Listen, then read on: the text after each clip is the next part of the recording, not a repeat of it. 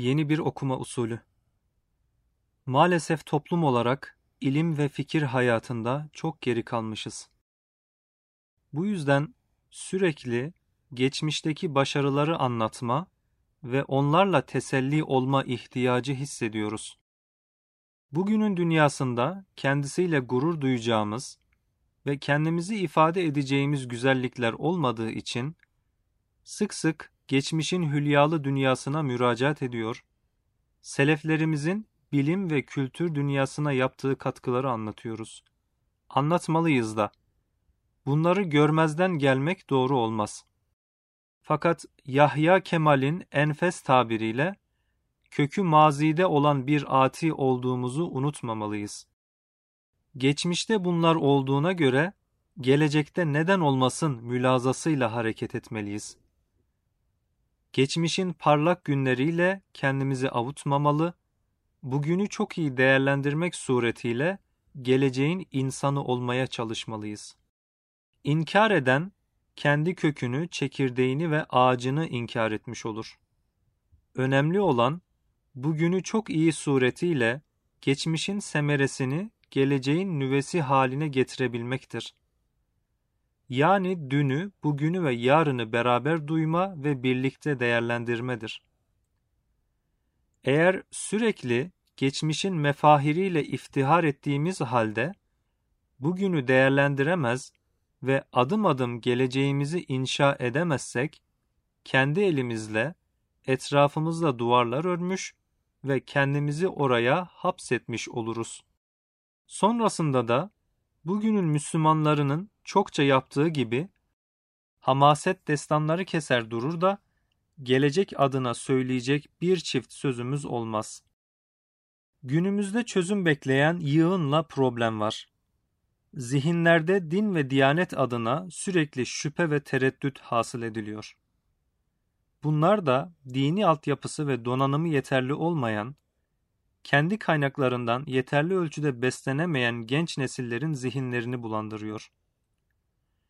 Ortaya atılan soru ve şüphelere cevap verme konumunda bulunan insanların bile zihinleri çok karışık. Güzel çalışmalar varsa da yeterli değil. Oluşan yaralar, yapılan tahribat gerçekten çok büyük. Çok sayıda insan inandığı değerler noktasında ciddi sarsıntı içerisinde. Toplumun idrak seviyesi çok düşük olduğu için tahrip de çok kolay oluyor. Bediüzzaman Hazretleri yaşanan problemleri çok önceden sezen ve bunlara uygun reçeteler sunan çok büyük bir dima. Ne var ki biz onun geride bıraktığı asar bergüzidesini hakkıyla değerlendiremedik. Bir hikmete binaen söylediği, aklınız almasa bile kalbiniz istifade eder sözünü yanlış anladık. Bu söz nice zaman beynimize kement vurdu ve biz de onun mahkumu olarak yaşadık.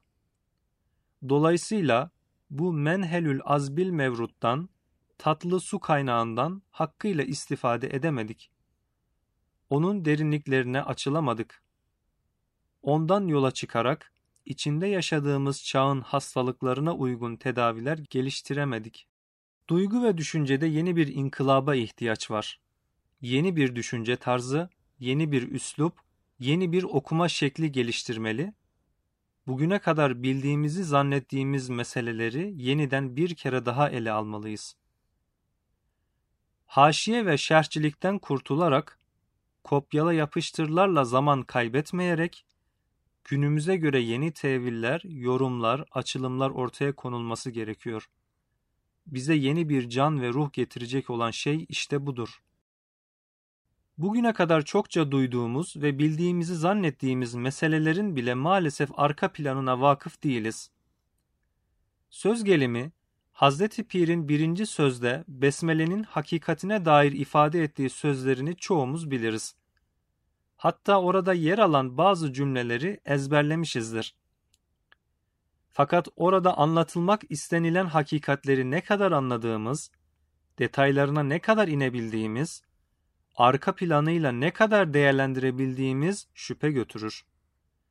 Nice altın kıymetindeki hakikatler maalesef ülfet ve ünsiyetin kurbanı oluyor. Bunu sadece Bediüzzaman'ın eserleri için söylemiyorum. İmam Gazali, İmam Maturidi, İz bin Abdüsselam, İmam Rabbani gibi daha başka büyüklerin eserleri için de aynı şeyi ifade edebiliriz. Bütün bunların üzerini örten gaflet perdesinin yırtılmasına ve eldeki mirasın bir kere daha keşfedilmesine ihtiyaç var. Selefi salihinin safiyane içtihatlarının bir kere daha gözden geçirilmesi, bunların günümüz dünyasının anlayışı içinde yeniden insanlığa sunulması gerekiyor. Hatta bunlardan daha önce Kur'an-ı Mucizül Beyan'ın sanki yeni nazil oluyor gibi sünnet-i sahihanın sanki Efendimiz'den sallallahu aleyhi ve sellem yeni işitiliyor gibi bir kere daha değerlendirmeye alınması ve devrin şartlarına ve ihtiyaçlarına göre onlardan yepyeni hakikatlerin çıkarılması gerekiyor.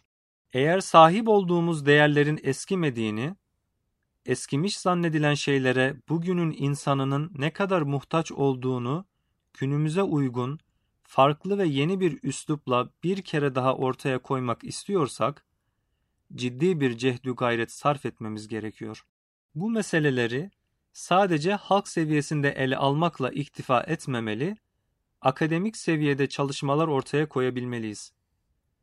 Bunun için de akademiler ihdas etmeli, buralarda araştırma yapacak çalışma grupları oluşturmalı ve bunların farklı alanlarda derinleşmelerini sağlamalıyız.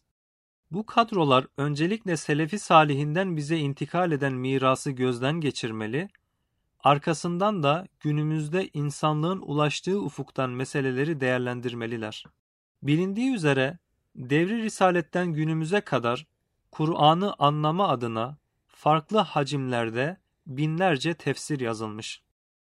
Müfessirlerin hiçbiri nasıl olsa benden önce Kur'an üzerine şu kadar tefsir yazılmış, benim yazmama ne gerek var dememiş. İslam'ın ilk asırlarından başlayarak sonraki dönemlere doğru Taberi, Razi, Kurtubi, Ebu Hayyan gibi Kur'an'a ciddi vukufu olan, bütüncül bakış sahibi ve dini bilen alimler oldukça kapsayıcı ve derin tefsirler yazmış olsalar da onlardan sonra gelenler bunlarla iktifa etmemiş ve kendi dönemlerine göre yeni yeni çalışmalar yapmış, farklı tevil ve yorumlar ortaya koymuşlardır. Evet, günümüzde bizi ülfet ve ünsiyetten kurtaracak yeni bir okuma usulü ihdas etmek şart ve elzem.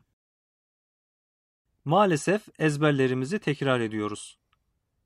Eserlerle adet kabilinden meşgul oluyoruz. Aradan çıkarmaya matuf okumalar yapıyoruz.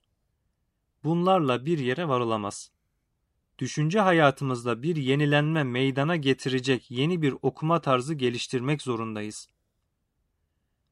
Eğer duygu ve düşüncede dirilebilirsek, bu bizim insani ilişkilerimizi değiştirecek, varlığa bakışımızı etkileyecek ve ibadet hayatımıza aksedecektir.